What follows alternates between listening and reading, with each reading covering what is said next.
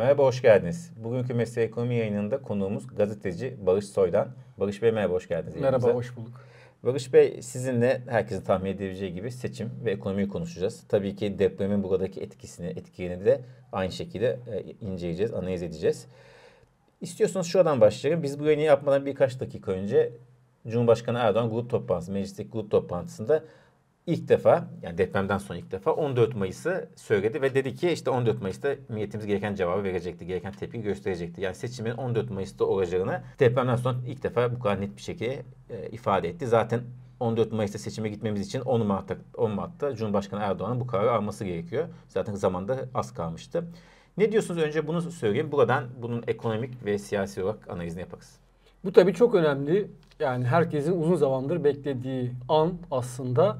Ama bu sadece başlama vuruşunu yaptı bugün Cumhurbaşkanı. İşte 14 Mayıs dedi. Şimdi YSK'da top, Yüksek Seçim Kurulu'nda ve o işte bundan sonra seçim takvimini belirleyecek, ilan edecek ve tabii ki o arada da, da e, seçimin yapılıp yapılamayacağı konusunda da herhalde bir işte inceleme yaptığına dair e, çeşitli haberler var. Bölgeye bir ekip gittiği, depremin vurduğu bölgeye ekip gittiği yönünde haberler var. Dolayısıyla orayı inceleyecek ve Türkiye'de seçim yapılabilecek bir atmosfer var mı sorusuna da e, cevap verecek. Yani bu e, süreç aslında hala daha bir belirsizlik taşıyor bence. Yani tümüyle artık bugün belirsizliğin ortadan kalktığını bence söyleyemeyiz. Evet. Zaten e, sonuçta muhalefet partileri de deprem bölgesinden başka şehre giden seçmenler için farklı alternatifler üretiyor. Çünkü sandığı taşımak yasak zaten anayasa evet. olarak. E, ona nasıl oy kullanacak Cumhurbaşkanı seçiminde diye ama özellikle milletvekili seçimlerinde, meclis seçimlerinde başka kentlerin milletvekillerine mi oy kullanacaklar? Kendi orada belirsizlikler var. Orada bir düzenleme ihtiyacı olacak herhalde. Tabii Seçim ya, 14 Mayıs'ta yapılsa bile. Tabii yani hem evet yani eski seçimler gibi olmayacağı açık. Ama yine de hani seçimin tarihi, takvimi tümüyle yapılıp yap yani şimdi bugünkü açıklama Cumhurbaşkanı açıklaması ben de en azından hala ya kesin tamamen netleştirmedi kafanızda. Yok ben de netleş, netleştirmedi. Hani şunu ben açıkçası söyleyemiyorum hala. Kesinlikle artık e, hani bunda en ufak bir şüpheye yer vermeyecek şekilde önümüzdeki işte 14 Mayıs tarihinde Türkiye'de seçimler gerçekleşecek. Açıkçası ben diyemiyorum. Çok sayıda insanın da hala daha diyemeyeceği düşüncesindeyim. Bir yandan da işte biliyorsunuz hani ne zamandır konuşulan e, bir takım senaryolar, söylentiler Ankara'ya dayalı işte haberler vesaire var. Dolayısıyla hala daha bir belirsizlik var. Ama tabii bununla birlikte Cumhurbaşkanı'nın bunu söylemiş olması da yani o çok sayıda belirsizlikten bir tanesini, önemli bir tanesi ortadan kaldırdı. Şimdi önümüzde yeni ve diğer başka belirsizlikler var gibi. Evet, evet. Dediğiniz gibi önemli bir adım ama kesinleştirilmiş değil. henüz değil. değil. Şimdi biz biliyorsunuz bundan yaklaşık bir, bir buçuk sene öncesinden beri esasında seçimi konuşuyoruz. Seçim evet. ne zaman yapılacak? İşte 2022'nin sonbaharı, 2002'nin ilkbaharı, yazın, yaz çıkışı hep konuşuyordu. Mayıs'ta en sona deprem öncesi Mayıs netleşmişti. Ve bunda tarih ne zaman olacağı tartışmasının hep ekonomi politikaları, iktidarın ekonomi politikaları bir ön gösterge olarak göz, gözükmüştü. İşte seçim ekonomisi ne zaman başlayacağı, işte ücret zamları, EYT bunların hepsi seçim tarihini tahmin etmek için bir öncü göstergeydi. Siz özellikle depremden sonra soruyorum tabii ki. Yeni yapılan yeni atılan adımlar var piyasaya yönelik özellikle. Bu kadar seçimlerin ertelenip ertelenmemesine ilişkin bir şey arıyor musunuz? Yani işte vakıf fonunun borsaya girmesi, Merkez Bankası'nın KKM uyarısı var. Mesela yurt içindeki bankaların, muhabir bankalara... Evet. Bunlar tabii e, bize şunu gösteriyor. E, yani bu olağanüstü önlemler, olağan dışı kararlar aslında e, seçimin daha önce ilan edildi veya konuşulan yani işte daha önce de Cumhurbaşkanı biliyorsunuz 14 Mayıs'ta işaret etmişti. Evet. Dolayısıyla ekonomi yönetiminin gündemi şu anda daha önceki takvim ilan edilmiş yani ima edilmiş olan takvimin değişmeyeceği şeklinde olduğunu bize gösteriyor. Nasıl bunu gösteriyor? Nereden çıkarıyoruz? E çünkü olağan dışı kararlar her gün yeni bir kararla karşılaşıyoruz. İşte bir kere borsanın düşmesi, sert düşüş yaşanması istenmiyor. Bunu gayet net bir şekilde görüyoruz. Doların yükselmesi istenmiyor. İki, yani bir kur atağını geçtik. Tabii ki o e, hiçbirimiz için, Türkiye için iyi olmaz. Ama ihracatçıların somut bir talebi var biliyorsunuz. Enflasyon kadar artmasını istiyoruz diyorlar. Çok uzun zamandır söylüyorlar. Farklı farklı ihracatçılar söylüyor. Ve işte TİM söylüyor, TİM dışındaki Türkiye Giyim Sanayicileri Derneği söylüyor. Dolayısıyla orada bir yakıcı ihtiyaç olduğu açık ve ve bunun yanı sıra zaten veriler de bize gerçekten de Türk lirasının enflasyon kadar artmadığını da söylüyor. Ama e, orada çünkü işte ekonomi yönetimi rezerv satışlarıyla geçen seneden beri doları kontrol altında tutuyor. Bundan sonra tutmaya çalışacak belli ki. Bu da bize yine seçimin takviminde e, yapılma yapılacağını düşünüldüğünü gösteriyor. Çünkü eğer hani böyle umarım olmaz e, ama hani böyle bir uzun bir erteleme olsa bu kadar böyle hani yana yakıla arka arkaya olağan dışı önlemler kararlar açıklanması. Türkiye Varlık Fonu'ndan borsaya 1 milyar dolar deprem sonrasında açıklanan salı günü önceki hafta arka arkaya çok sayıda evet, çok karar. Sayıda. Onlar gerçekten e, hani düşmeyen borsa neredeyse yaratılmak e, istendiğini bize gösterdi. Şimdi döviz tarafında benzeri bir durum. Orada da yine yükselmeyen dolar ile karşı karşıyayız. Şimdi şu anki bütün bu şeyler işte konuştuğumuz önlemler aslında sanki hakikaten de Mayıs'ta hani bilemedik Haziran'da yapılacakmış izlenimini bize veriyor. Ama diğer yandan tabii ekonomi yönetimi de e, bu konuda karar verici olan merci değil. Yani yani hani bu konuda ana şeyi stratejiyi, seçim stratejisini, takvim seçim takvimi stratejisini belirleyenler arasında dahi ben açıkçası Sayın Nebati'nin yer aldığını falan düşünmüyorum. O daha çok uygulamacı. Uygulamacı. O yani o karar, o strateji Cumhurbaşkanı ve işte onun işte danıştığı belki çevresindeki birkaç kişi tarafından e, oluşturulacak bir strateji. O strateji değiştirilirse tabii o zaman da ekonomi politikası falan değişir mutlaka. Evet mutlaka değişir. Bu arada şunu sormak döviz piyasası dediniz. Şimdi döviz piyasasında şöyle yine hatırlatalım kısaca. Türkiye'nin çok ciddi bir döviz ihtiyacı vardı bundan birkaç önce. 2022'nin işte ortalarına doğru.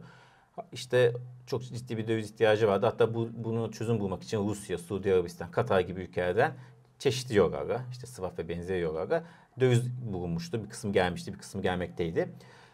Orada biraz sakinleştiğini görmüştük esasında döviz. Yani hem küresel koşullar da tabii Fed'in de bağladığı küresel koşullar da buna yardım etmişti. İşte CDS düşmüştü, döviz ihtiyacımız biraz sakinleşmişti. Ama depremden sonra dediğiniz gibi arka arkasına döviz piyasasına yönelik hamleler geliyor. Bu burada bir sıkıntının tekrar baş gösterdi mi gösteriyor bize? Evet, bence e, içeride bir efektif döviz talebi olduğunu gösteriyor. Çünkü önlemler işte arka arkaya geliyor. Bir, iki bayağı sert önlemler alınıyor. İşte uyarılar gidiyor bankalara e, filan. Dolayısıyla içeride bir talep var. Bunu da doğal karşılamak lazım. Yani hani Türkiye'nin yaşadığı felaket gerçekten büyük bir felaket. İnsanlar endişeliler. Bir, iki tabii seçimle yani siyasi belirsizlikte büyük bir belirsizlik. E, o da tabii ki bir endişeye neden oluyor. E bu arada şimdi bir enflasyonun yeniden yükselmesini herkes bekliyor. E, o da enflasyon beklentilerini, bekleyişlerini değiştiriyor. Hani vatandaşlar da bunu görüyor. Türkiye'de hani herkes kendisi e, kendi çapında aslında hani ekonomiyi çok yakından izliyor. Kendi çapında ekonomist herkes. Dolayısıyla hani enflasyonda yeniden bir yükseliş yaşanacağını söylemek için çok e, hani bir akademisyen olmaya gerek de yok. E bu da tabii ki önümüzdeki döneme dair endişeleri e, arttıran bir faktör. Bütün bunlar yan yana geldiğinde içeride döviz talebinin artması normal. Ama aynı zamanda biliyorsunuz kur korumalı mevduatta da bir artış var. Evet. Ee, ciddi bir artış görüyoruz bir. İki aslında döviz mevduatında da bir azalma gördük. Yani bank, yurt içi yerleşiklerin bankacılık sistemindeki e, döviz mevduatı işte son 6 hafta içinde 5 milyar dolar civarında azaldı. Kur korumalı mevduat ise bugüne kadarki en yüksek seviyesine çıktık. Kur korumalı mevduat Aralık ayında azalma vardı orada. Erime başlamıştı. Şimdi yeniden o erime durdu. Yeniden artış yaşanıyor. Ama o da aslında bir döviz talebi. Yani o da yani hani KKM'deki bu artış da aslında işte insanların e, hani geleceğe yönelik endişelerle parasını oraya park etme şeyi e, ni yansıtıyor bence. E, dolayısıyla içeriden olağan dışı bir dönemden geçtiğimiz açık. İşte ekonomi yönetimi de buna olağan dışı önlemlerle e, cevap vermiyor, yönlendirmeye çalışıyor. Peki yine spekülatif bir soru olacak ama mesela seçimlerin ertelendiğini duyarsak bir gün önümüzdeki bir iki ay içerisinde zaten bir iki ay içinde oldu oldu olmadı olmadı 14 Mayıs'ta olacak. Döviz piyasasında ciddi bir reaksiyon sonucu dediğiniz de döviz belirsizliği siyasette borsa için de aynı şey evet. geçer. Tamam burada bir kontrol mekanizmaları sağlanıyor. İşte borsanın düşmesi, dövizin yükselmesi engelleniyor ama sonuçta bu sınırsız bir şey değil, güç değil. Yani bir noktada evet. engelleyemeyebilirsiniz. Evet. Olası bir seçim ertelemesinde burada ciddi hareket görüyor muyuz? Şimdi bu tabii hani epey bir spekülatif bir şey olur ge- geleceğe dair. Şimdi bir ara e, siz biraz önce dikkat çektiğiniz gibi geçen Temmuz ayının başında Merkez Bankası'nın rezervi epey bir azalmıştı. Kendisine ait harcanabilir rezervi 6 milyar dolar civarına indi. O ara mesela hani Türkiye'nin CDS'inde de çok sert bir yükseliş vardı. Bine, bine yaklaşmıştı. Evet. 900 falan. Evet. Yani o ara hakikaten risk çok artmıştı. Sonra ama işte Rusya'dan para girişi oldu Ağustos ayında. Onu şey diye izah ettiler. E, Rosatom nükleer Mesela. santral için para gö şimdiden para gönderiyor. Önümüzdeki dönemde yapacağı harcamaların parasını önden önden yüklemeli şekilde gönderiyor gibi bir açıklama getirildi. Tabii onlar hep böyle gayri resmi e, açıklamalar ya da kulis bilgileriydi. Turizm sezonu çok iyi geçti yazın. Turizm sezonu çok iyi geçti ve bu arada tabii ki ihracatçılar ve turizmcilerden %40'ını zorunlu olarak Merkez Bankası almaya devam ediyor filan başka bir takım önlemler de var. Şimdi onlar e, rezerv tarafını güçlendirdi. Şu anda rezerv güçlü ama hani sizin hani o şey spekülasyon yapacak olursak hani seçimin tabii hani bir bir kere umarım öyle bir şey olmaz. E, çünkü anayasa ya aykırı olur. Ve fakat Türkiye'de hani anayasanın bağlayıcılık gücünün e, çok e, hani bir Batı Almanya gibi olmadığını biliyoruz. Ayrıca Almanya'dan Almanya'nın tarihinde de yani istisnaların olduğunu da biliyoruz. Tabii. Biliyorsunuz bu meşhur Alman siyaset felsefeci, felsefecisi var Karl Schmitt'in ünlü sözü devlet istisnayı belirleyendir. Yani devlet tamam hukuk düzenini e, tesis eder ama aynı zamanda hukuk düzeninin dışına ne zaman çıkılacağını belirleyen de e, devlettir. Yani e, bunu tabii şeyi yani Almanya'nın tarih geçmiş yani o işte acılı tarihi ne dair e, söylüyor. Şimdi dolayısıyla ama bir istisna kullanma imkanı var. Bunu tabii ki hiçbirimiz arzu etmeyiz. Şimdi böyle bir durumda tabii yani ekonomi piyasalar nasıl tepki verir? İyi bir tepki vermeyeceğini söyleyebiliriz. E, birincisi. İkincisi hani öyle bir durumda ne kadarlık bir erteleme olacağı önemli. çok önemli. Ne, yani Kısa, ortak karar mı yoksa iş yani olacağı tabii çok, ki yani çok yani değil. muhalefetle e, bir anlaşma olup olmayacağı önemli. Bir iki hani 2-3 aylık bir erteleme ile diyelim ki işte Eylül Ekim ayına erteleme ile 2024'de kalması e, başka. Bir yıl sonrasına işte yerel seçimle birlikte yapalım gibi bir ara Bülent Arınç'ın dile getirdiği olasılık tabii çok başka. O zaman yani öyle bir bir yıllık bir erteleme durumunda e o zaman herhalde şimdi ben de yani spekülasyon yapıyorum. Herhalde ekonomi yönetimi de mevcut statikoyu, piyasalardaki statikoyu sürdürmek için bugünkü kadar kendisini böyle hani e, bir e, şey hani alarm durumunda hissetmez. Çünkü hani bir sene artık bir sene kim öle kim kala e, Keynes'in sözüyle uzun vadede hepimiz, hepimiz öleceğiz. O da Türkiye için bir sene uzun vade. Hani bir sene sonra kim öyle kim kala. Bir sene önce bambaşka bir Türkiye vardı. Değil evet mi? bir sene önce bambaşka bir Türkiye var. Dolayısıyla hani o zaman ama e, ekonomide tabii ki sular ısınır ve kötü olur evet. çok büyük olasılıkla. Evet. Dengeler bozulur. Yani borsa mesela tabii ki çok kötü bir tepki verir. Evet. Yani bozulacağı garanti gibi ama ne ölçüde bozulacağını tabii başka bir, bir, evet, baş, değişkenler başka değişkenler belirleyecek. belirleyecek. Ama Peki. olmayacağını ümit edelim. Ee, şey de biliyoruz tabii. Hani bunu ben daha önce de bir iki yerde söylemiştim. İnsanlar kızıyordu. Hani buna kızar insanlar da var. Hani Türkiye'nin anayasası falan. Evet tabii ki. Yani Türkiye anayasası. Realite konuşuyoruz biz. Evet, evet evet tabii. Realitede evet. böyle.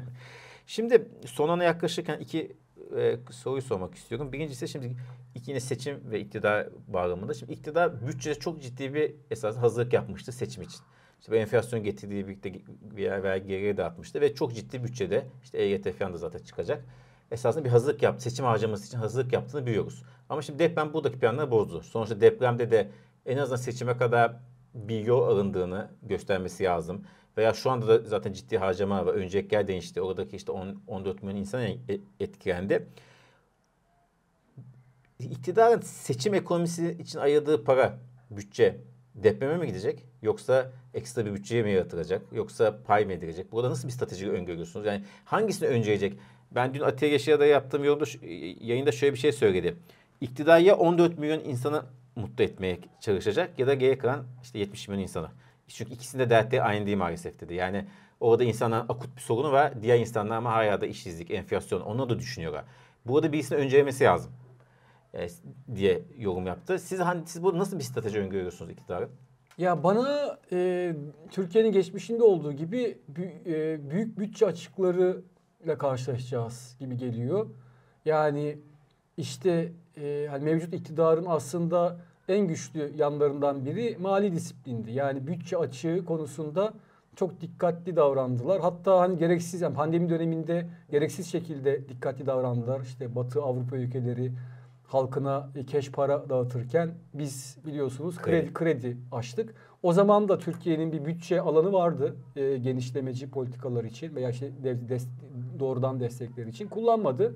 Şimdi de aslında var. Yani çünkü geçen seneyi biliyorsunuz yüzde bir buçuk bütçe açığıyla yani milli gelir oranı yüzde bir buçuk. Bu tabii ki Türkiye'nin e, için de genel aslında gelişen ülkeler içinde düşük bir oran. Yüzde bir buçuk. Yani zaten Avrupa Birliği'nin e, şeyi şartı yüzde üç. E, şimdi yüzde üçü de ama geçme e, imkanı da var. Ben geçeceğini düşünüyorum. Nitekim zaten bu yönde e, bazı öngörüleri de şimdiye kadar işte e, gördük okuyoruz. Yüzde beşe çıkacağı yönünde çeşitli öngörüler var. Bu sene e, bütçe açığının milli gelir oranı. Bu bütçe açığının yüzde üç, e, üç katına çıkması demek. Üç katından fazla artması demek. Yani yüzde beş aslında ben hatırlıyorum yani benim gençliğimde filan Türkiye için normali oydu zaten. Bu 2001 krizi öncesinde Türkiye böyle çok büyük bütçe açıkları verirdi.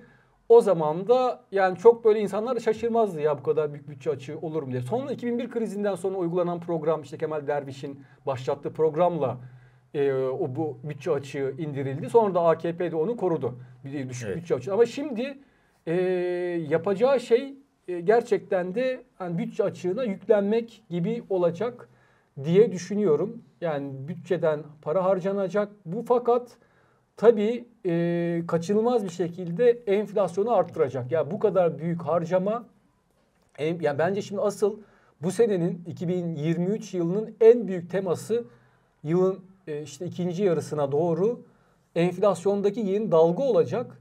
Yani şimdiden aslında özellikle bu inşaat yan malzemeler ve inşaat evet. çevresindeki sektörlerde inanılmaz artışlar olduğunu e, duyuyorum. Sabah e, bir e, izleyici inşaat sektöründen şey bilgisini vermiş.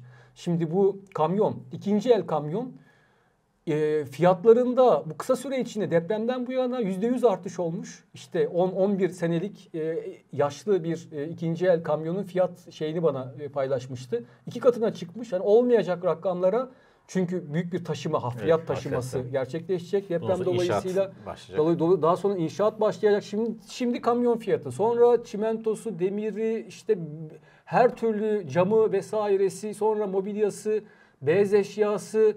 Yani bu talep artışı ve bu arada e, bütçe açığı dolayısıyla e, devletin harcayacağı, kamunun harcayacağı büyük para, pompalayacağı büyük para e, kaçınılmaz bir şekilde Türkiye'de enflasyonda bir artışı getirecek. Ama şimdi Türkiye'de bir yeni enflasyon dalgasının altında zaten ezildi. Onun altından çıkmaya çalışıyordu. Enflasyon dalgasının halk üzerinde çok büyük olumsuz bir etkisi var. Yani bir kere hani bu içeride e, hoşnutsuzluğu bence siyasi e, hoşnutsuzluğu daha da arttıracak. Yani iktidar açısından böyle bir zorluk var. Ekonomi açısından baktığımızda tabii ki bu dengeleri bozacak bir gelişme. Ama bir yandan da şunu da yine hani böyle bunu konuşurken onu da atlamayalım bence. Ee, geçen yani bu son enflasyon dalgasında işte 2021'den bu yana gördük ki bizim şirketlerimiz de bu enflasyon dalgasına e, iyi maşallah iyi ayak uyduruyorlar, iyi cevap veriyorlar. Yani hepsinin geçen sene işte bu sene 2022'nin ilk yarısında ilk üç çeyreğinde bilançolara baktığımızda evet, yani yüzde 300, 400, yüzde 500, yüzde 600 hadi enerji şirketleri vardı yüzde 1000 falan onları geçelim ama yani hani bildiğimiz düz imalat sanayi şirketlerinin cirolarında, karlarında yüzde 300, 400 Enflasyon e, alındısınız iş, bile. İşi evet Çok. işin olağanıydı. Dolayısıyla e, hani enflasyon dalgası yine halkı ezer. Ama şirketler bu işin altından e, çıkmayı da başarır. Yani piyasa tarafında da onun öyle e, bir e, etkisi olur diye düşünüyorum. Yani piyasa e, dengesini belki çok fazla bozmayabilir. Ama içeride ekonomik ya yani makroekonomik ve tabii ki şeyi toplumsal evet. ve e, siyasi iklimi zaten şu anda hani bir evet. böyle büyük bir tepki var. Onun daha da e, bozulduğunu görürüz. Evet. Şimdi tabii Barış Bey işte harcamalar artacak e, dövizi sabit tutuyor iktidar. Bu da tabii Tayyip de artacak. Bu da ithalat da artacak. İthalat da artacak. Cayır çıkartacak. E, bu da dövize sonuç Dövize ihtiyacı. Bu bayağı da bu da bir sıkıntı bir giydaba giymek üzereyiz tekrardan. Zaten. Ya evet işte e, kur enflasyon sarmalı denilen evet. şey e, genel olarak hani zaten e, hani işin ABC'si e, bir ülkenin ticaret ortakları arasındaki enflasyon farkı kadar, kadar o evet kur yükselir. Tamam bu kısa vadede böyle olmayabilir. Yani kısa vadede e, tabii ki kuru etkileyen başka birçok faktör de var. Yani özellikle de işte talep. Yani arz talep kısa vadede daha etkili. O arz talebi de işte kur korumalı mevduatla kontrol evet. altına aldı. Ama uzun vadede enflasyonla aradaki farkın yani er ya da geç. Kapatacak. Ama bugün ama yarın Tüketici e, üretici enflasyonu gibi ya, aslında. O e, makas kapanacak. E, o makasın kapanmak kap, kapanacak. Bir kere kitaplar bize bunu evet. söylüyor iktisat kitapları. Bir. İki ihracatçılar bize bunu söylüyor. İçerideki yana yakıla söylüyorlar ve ben açıkçası hani çocukluğumdan beri e, Türkiye'nin ana derdinin hep böyle hani işte ben 70'li yıllarda da e, küçük bir çocuktum ama şeyi hatırlıyorum. O dönemki buhranı hatırlıyorum 70'lerin sonundaki.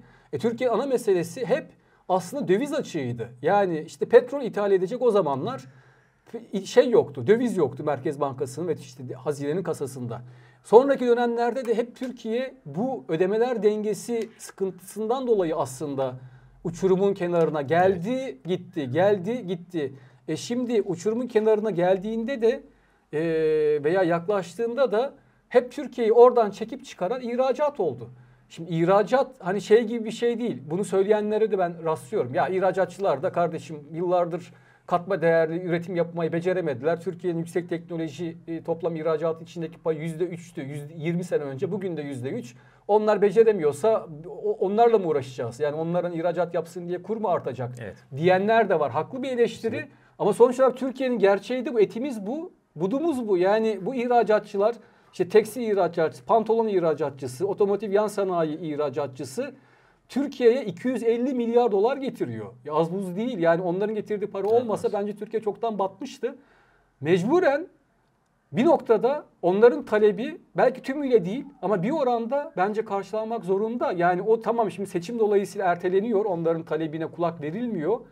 Ama seçimden sonra ee, bir noktada bence mutlaka kulak verilmek zorunda. O da tabii ki dövizde bir sert artış anlamına gelecek. Evet ki bundan birkaç sene önce Türkiye yine ekonomik model miydi adı neydi? Türkiye ee, ekonomi modeli. Rekabetçi kur söylemiyle esasında bundan sonra Türkiye'nin cari fazla vereceği, ihracatta büyüyeceği söylenmişti ama evet. şu an tam tersi noktadayız. Tam tersi oldu. Yani Türkiye ekonomi modeli işte aynen buydu. Türkiye cari fazla verecekti. E, dolayısıyla işte dolar bollaşacak. Dolar bollaşınca e, TL evet. değer kazanacaktı. Hani biraz şey yakardı. gibi işte ko- koyun onun koyunun şeye şeyleri takılacak, şeye ha şey takılacak, tel örgülere takılacak da oradan şey ya çok uzun vade olmadı zaten. Tamam. Olmaması bir yana tam tersi oldu. Tersi oldu. Evet. evet. Tabii dediğiniz gibi Türkiye hep dövize ihtiyacı olan büyük. Hatta 70 sente muhtaç da zaten Türkiye'nin siyasi literatüründe. Evet yani hani Özal Özal niye popüler oldu bu ülkede? Çünkü Türkiye'yi dışa açtı. Evet. Niye Türkiye dışa açıldı? Niye hani faydası var? E çünkü işte ihracat filan o ihracata evet. odaklı şey sanayi. Se seçimden sonrasını başka programda konuşalım. Daha var zaten seçime. O, o zaman bir yayın daha yaparız. Çok teşekkür ederiz Barış Bey. Ben Dediğimiz gibi ederim. seçim sonrası senaryoyu evet, size bir dahaki yayında seçimden tekrar önce konuşmak evet. üzere diyelim. Çok teşekkür ederiz. Görüşmek üzere. Ben teşekkür ederim.